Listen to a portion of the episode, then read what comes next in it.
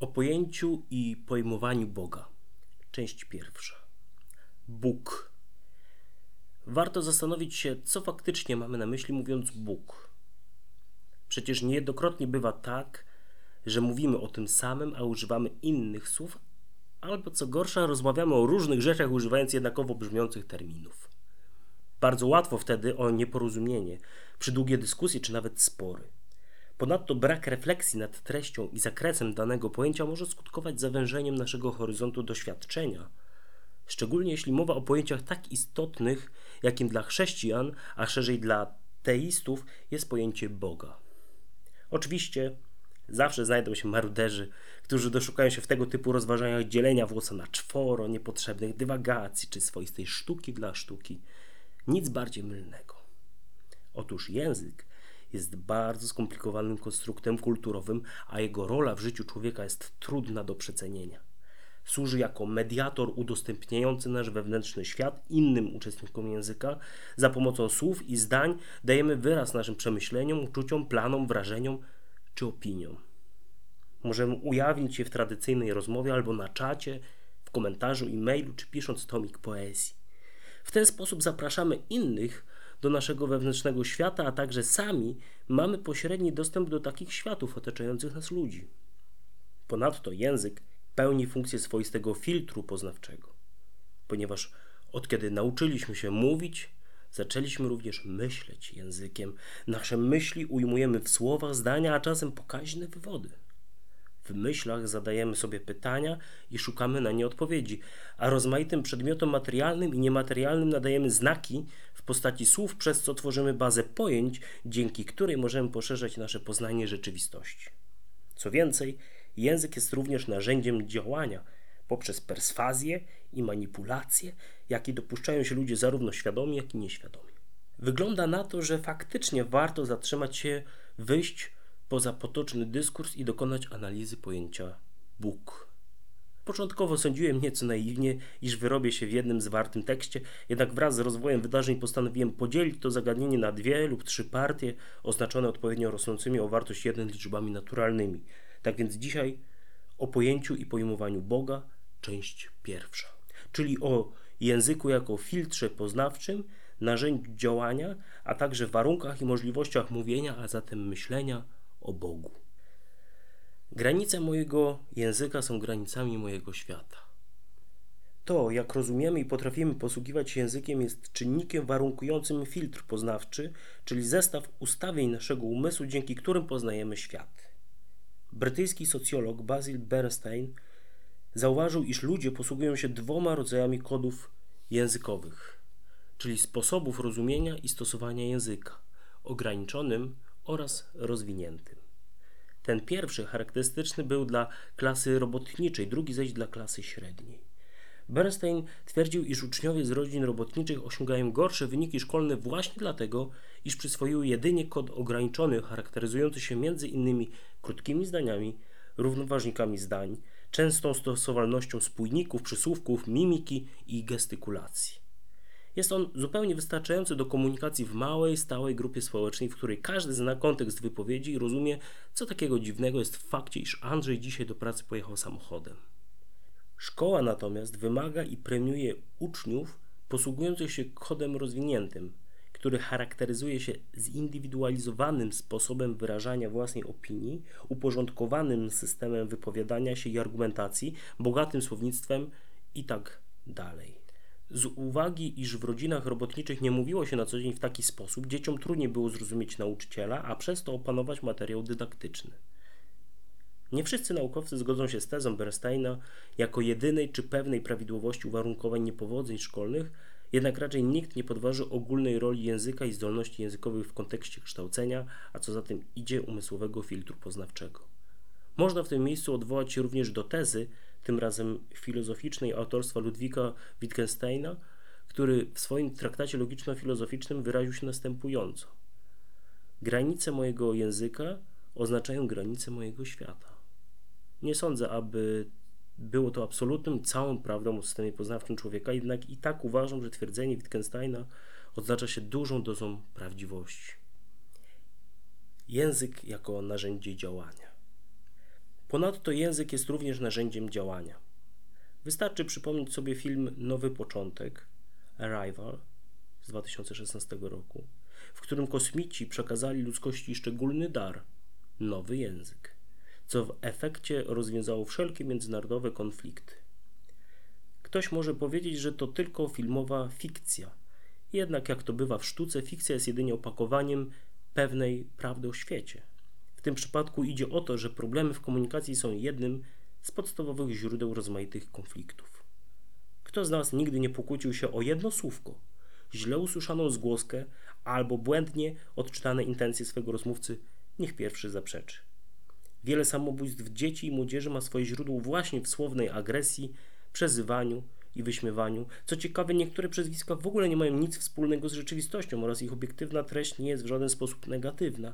Jednak wystarczy odwołać się do aktualnie panujących, pejoratywnie kojarzonych stereotypów społecznych Benkarta, Żyda czy geja, aby obrzydzić chęć do życia swojej ofierze, jak to miało miejsce na przykład w przypadku Dominika Szymańskiego. Od czasów antycznej Grecji wiemy również, iż język może być narzędziem retorycznym i erystycznym, za pomocą którego politycy różnej maści zjednują sobie wyborców i realizują rozmaite programy, które mają realny wpływ na życie ludzi w państwie, a nawet całej ludzkości. Słowa i zdania w odpowiednich kontekstach niosą ze sobą pewien ładunek intelektualny oraz emocjonalny, mogą nakłonić kogoś do podjęcia decyzji, a nawet działania wbrew własnym przekonaniom. Paul Thibodeau wraz z Lerą Borodicki przeprowadzili badania, pięć eksperymentów, z czego nas będą interesowały dwa pierwsze, na próbie 485 studentów, których wyniki opublikowali na łamach czasopisma PLOS ONE w 2011 roku. Dotyczyły one wpływu użytej metafory na sposób myślenia i rozwiązywania problemu. Podczas dwóch pierwszych eksperymentów przedstawiono krótki tekst relacjonujący trudną sytuację miasta Addison – które borykało się z coraz to większą przestępczością. W każdym z tych dwóch przypadków podzielono respondentów na dwie grupy. Jednym ukazywano przestępczość jako polującą bestię, a drugim jako zaraźliwy wirus. Następnie zapytano uczestników badania, jakie kroki powinno podjąć miasto, aby uporać się z przestępczością. Odpowiedzi podzielono przez badaczy na dwie kategorie. Pierwsza zdiagnozować, leczyć, zaszczepić oraz druga schwytać, narzucić, ukarać.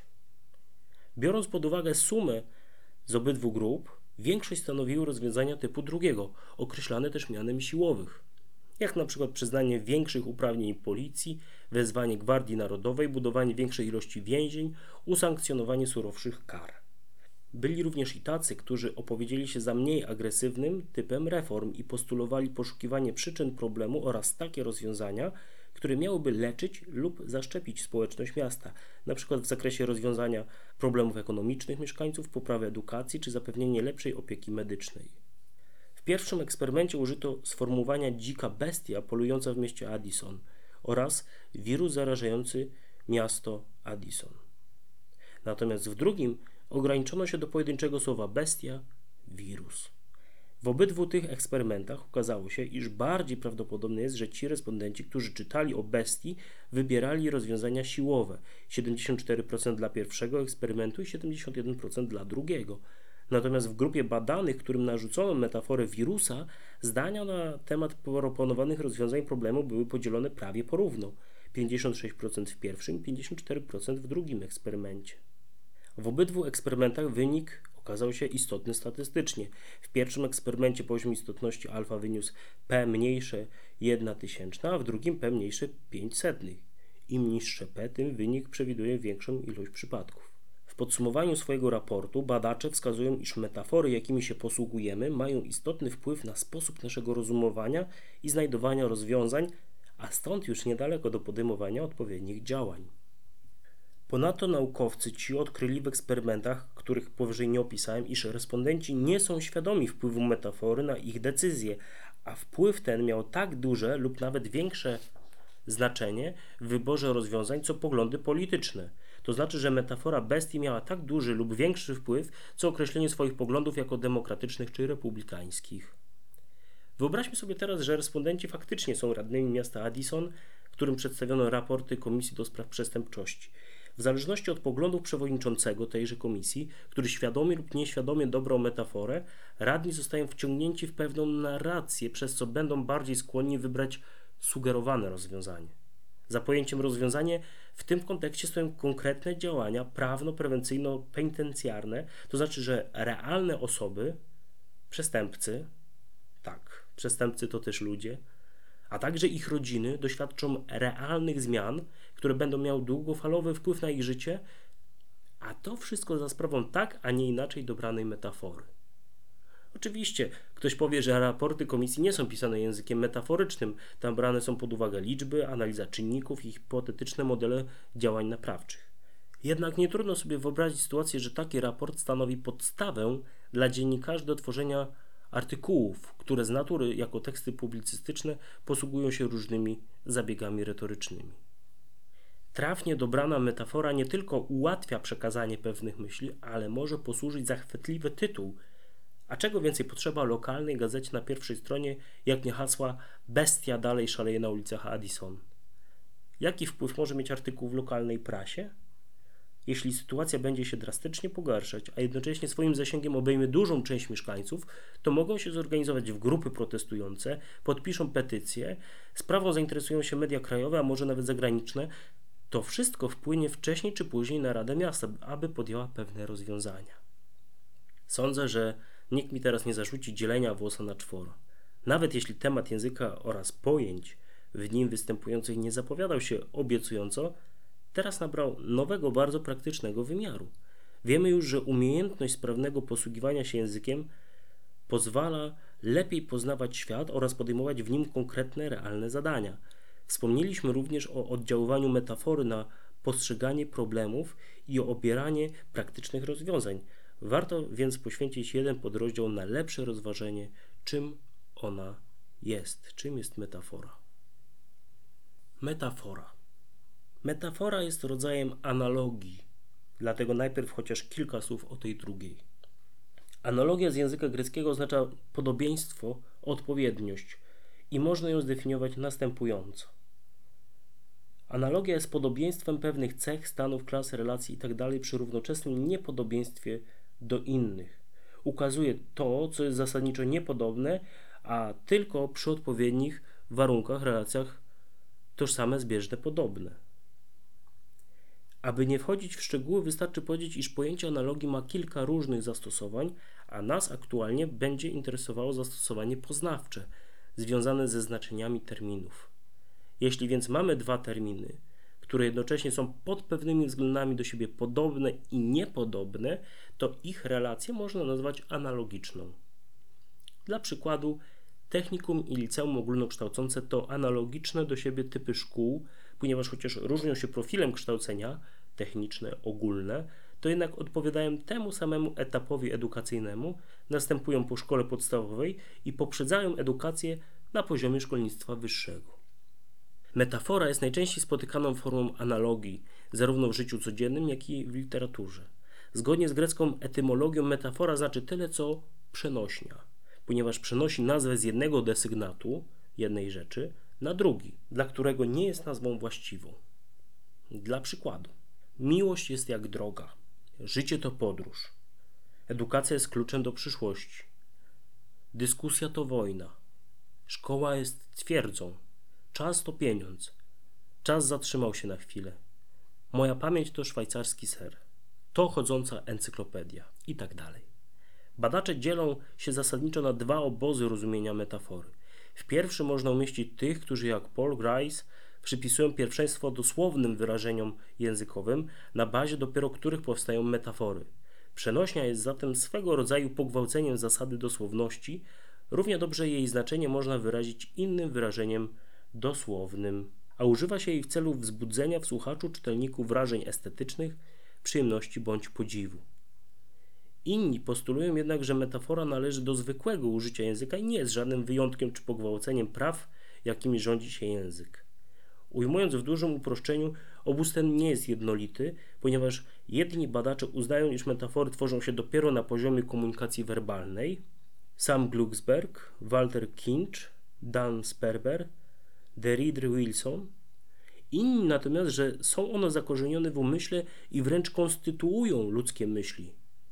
Gilles Fauconnier, Leonard Talming, George Lakoff. Najciekawszym, choć zarazem najdalej idącym poglądem ze wspomnianych powyżej jest ten ostatni, w którym mówi się o metaforze konceptualnej.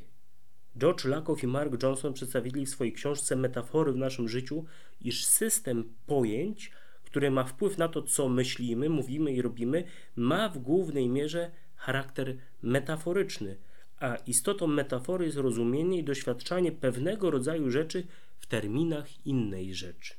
Podobną myśl wyraził Kenneth Duva-Burg, amerykański teoretyk literatury, mówiąc o urządzeniu do oglądania czegoś w kategoriach czegoś innego.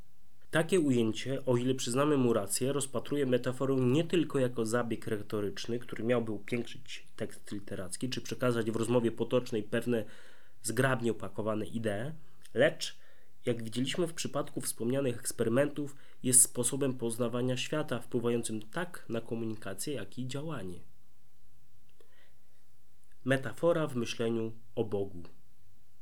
Z Bogiem mamy pewien problem, żeby tylko jeden. Nie doświadczamy Boga zmysłami. Nie widzimy, nie słyszymy, nie wąchamy, nie dotykamy, nie smakujemy Stwórcy. Warto przy tym pamiętać, że człowiek posiada więcej zmysłów niż te pięć, które wymieniłem. Między innymi propriocepcję, czyli czucie głębokie z mięśni ścięgien, czy zmysł równowagi. Niemniej jednak dalej nie rozwiązuje to naszego problemu, ponieważ Bóg nie jest obiektem świata, który mógłby emitować bodźce zmysłowe, dzięki czemu my moglibyśmy je odbierać receptorami, przekazywać do odpowiedniego płatu mózgu i następnie interpretować oraz zapamiętywać. Skąd więc w naszym umyśle pojawiło się pojęcie Boga i w jaki sposób wiemy, co za nim stoi? Nie są to rzeczy proste, na które wystarczyłoby udzielić jednozdaniowej odpowiedzi. A nawet gdyby ktoś dokonał takiego odważnego lub głupiego czynu, to zapewne rozmówcy mogliby zadać wiele pytań, na które odpowiedzi byłyby znowu kwestionowane, i tak powstają rozprawy filozoficzne, które końcem końców nie przekonają wszystkich uczestników dyskusji do przyjęcia wszystkich bronionych tez, chociaż niewątpliwie mają walor poznawczy. Podałem przed chwilą tezę, że Bóg nie jest obiektem świata. Więcej na ten temat napiszę w następnym wpisie, lecz teraz już warto podać choćby podstawowe uzasadnienie. Przy założeniu, iż Bóg jest stwórcą świata oraz, że Bóg i świat to dwa osobne byty, oznacza, że Bóg nie jest jednym z elementów świata. Był przecież taki stan rzeczywistości, w którym istniał Bóg, a nie istniał świat. Dlatego też nie można udać się do Jerozolimy, Góry Synaj, Watykanu czy innego świętego miejsca, aby zobaczyć, usłyszeć czy dotknąć Boga. Ponadto mówiąc o tym, że Bóg nie jest obiektem świata, miałem na myśli również to, iż nie jest podobny do jakiegokolwiek obiektu światowego, dlatego też nie sposób odebrać Boga zmysłami. Powraca więc pytanie, jak można odkryć istnienie pojęcia Bóg oraz jego treść. Najkrócej i najprościej byłoby po prostu powiedzieć, że czytelnikom tego tekstu o Bogu powiedzieli rodzice. Nawet jeśli rodzice są ateistami, to i tak w końcu musieli coś o tym słowie swoim dzieciom powiedzieć. Jednak skąd ci rodzice wiedzieli o Bogu? Od swoich rodziców, a ci rodzice i tak dalej. Aż dojdziemy do misjonarzy, którzy przybyli na teren Polski w IX wieku naszej ery. Nie można się cofać w nieskończoność, przynajmniej gdy mówimy o świecie fizycznym, a na pewno nic o tym nie wiemy. Więc kto był pierwszy? Odpowiedź zależy od rozstrzygnięć w kwestii religii. Albo odwołamy się do biblijnego opowiadania o stworzeniu pierwszych ludzi, którzy mogli spotkać w jakiś sposób Boga, albo do naukowych hipotez genezy religii.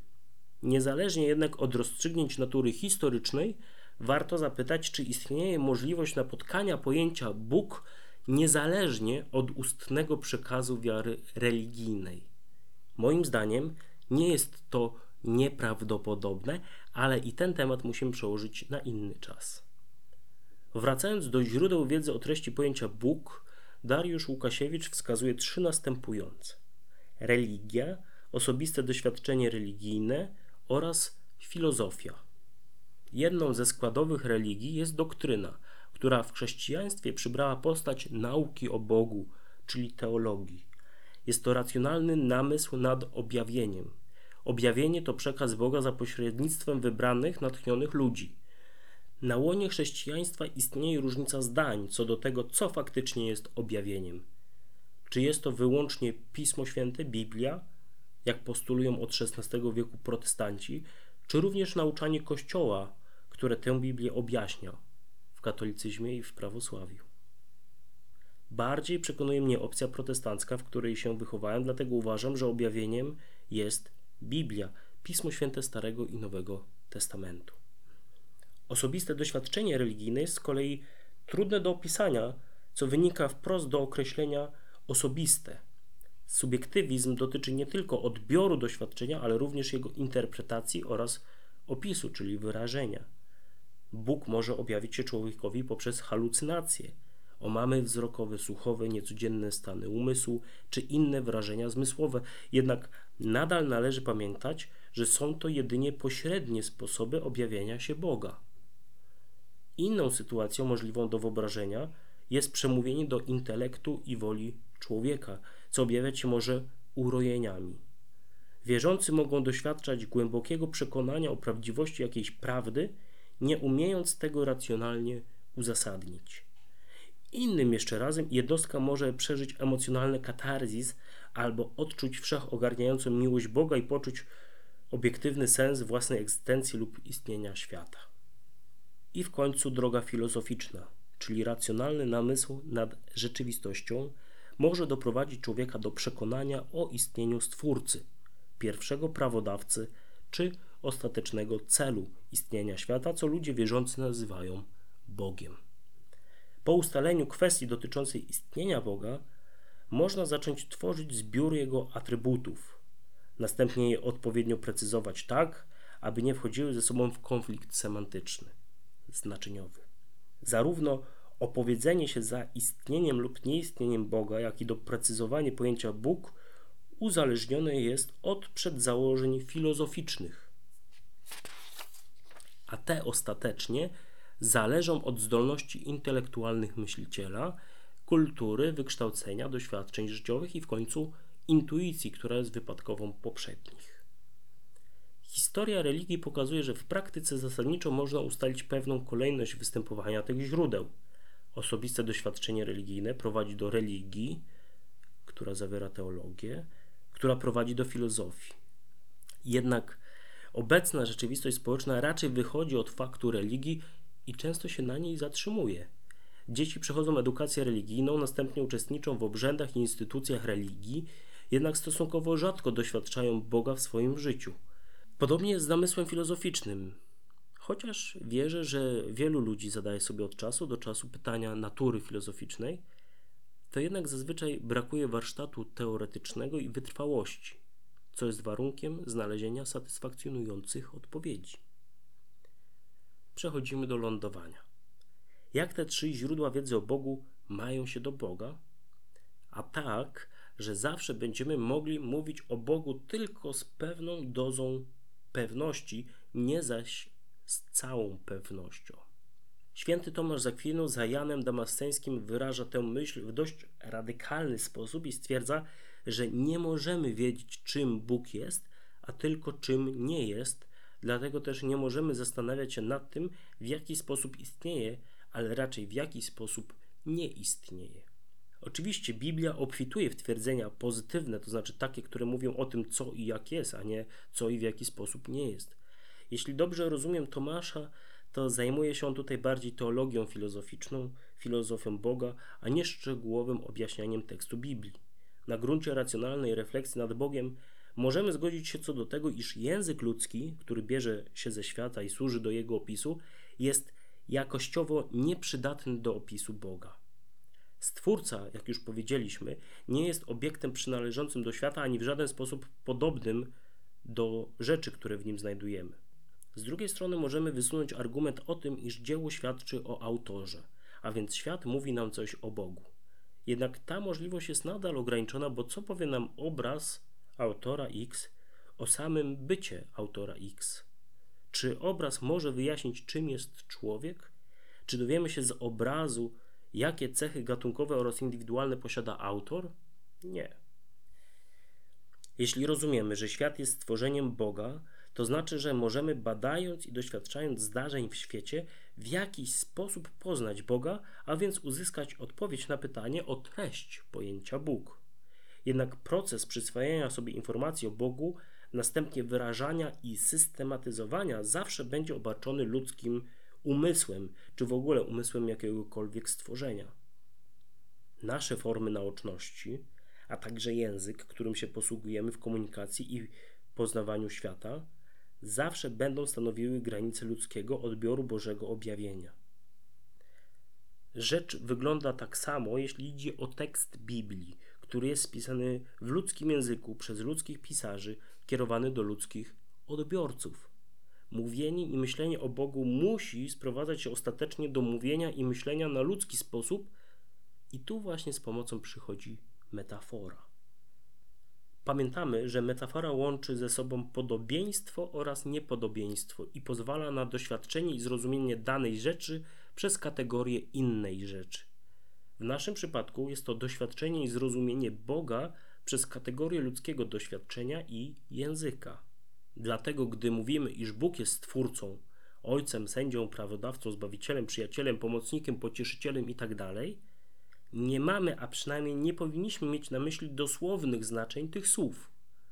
Zawsze musi pozostać margines niepojętości, a wszystko należy opatrzyć klauzulą doskonałości, zgodnie z jedną najbardziej podstawowych definicji Boga zaproponowaną przez Anselma z Aosty, który określa Boga tym, nad co nic większego już nie można pomyśleć. Boga nie sposób zamknąć ani w doświadczeniu religijnym, ani teologii czy filozofii. Dlatego też od człowieka wierzącego, wbrew niektórym opiniom, wymaga się otwartości w myśleniu, a przynajmniej ja wymagam. A przynajmniej wtedy, gdy ten człowiek chce prowadzić ze mną dialog. Metaforyczne pojmowanie Boga nie tylko chroni nas przed intelektualną pychą, ale i daje równy dostęp wszystkim ludziom, bowiem Bóg może objawić się poprzez różne metafory, takie, które w życiu danego człowieka mogą być najlepiej zrozumiane i przyjęte. Co więcej, zawsze pozostaje coś, czego o Bogu możemy się dowiedzieć, albo odkrywając nowe treści w objawieniu, albo doświadczając nowych wrażeń Boga, lub gdy poznajemy nowe koncepcje porządkowania myśli, których dostarcza filozofia Boga. I na koniec bezpośrednie pytanie, które wierzę, że z czasem stanie się naszą dobrą tradycją. Kim dla Ciebie jest Bóg? Jaką metaforą Ty opisałbyś, opisałabyś Go i dlaczego? Dziękuję za uwagę.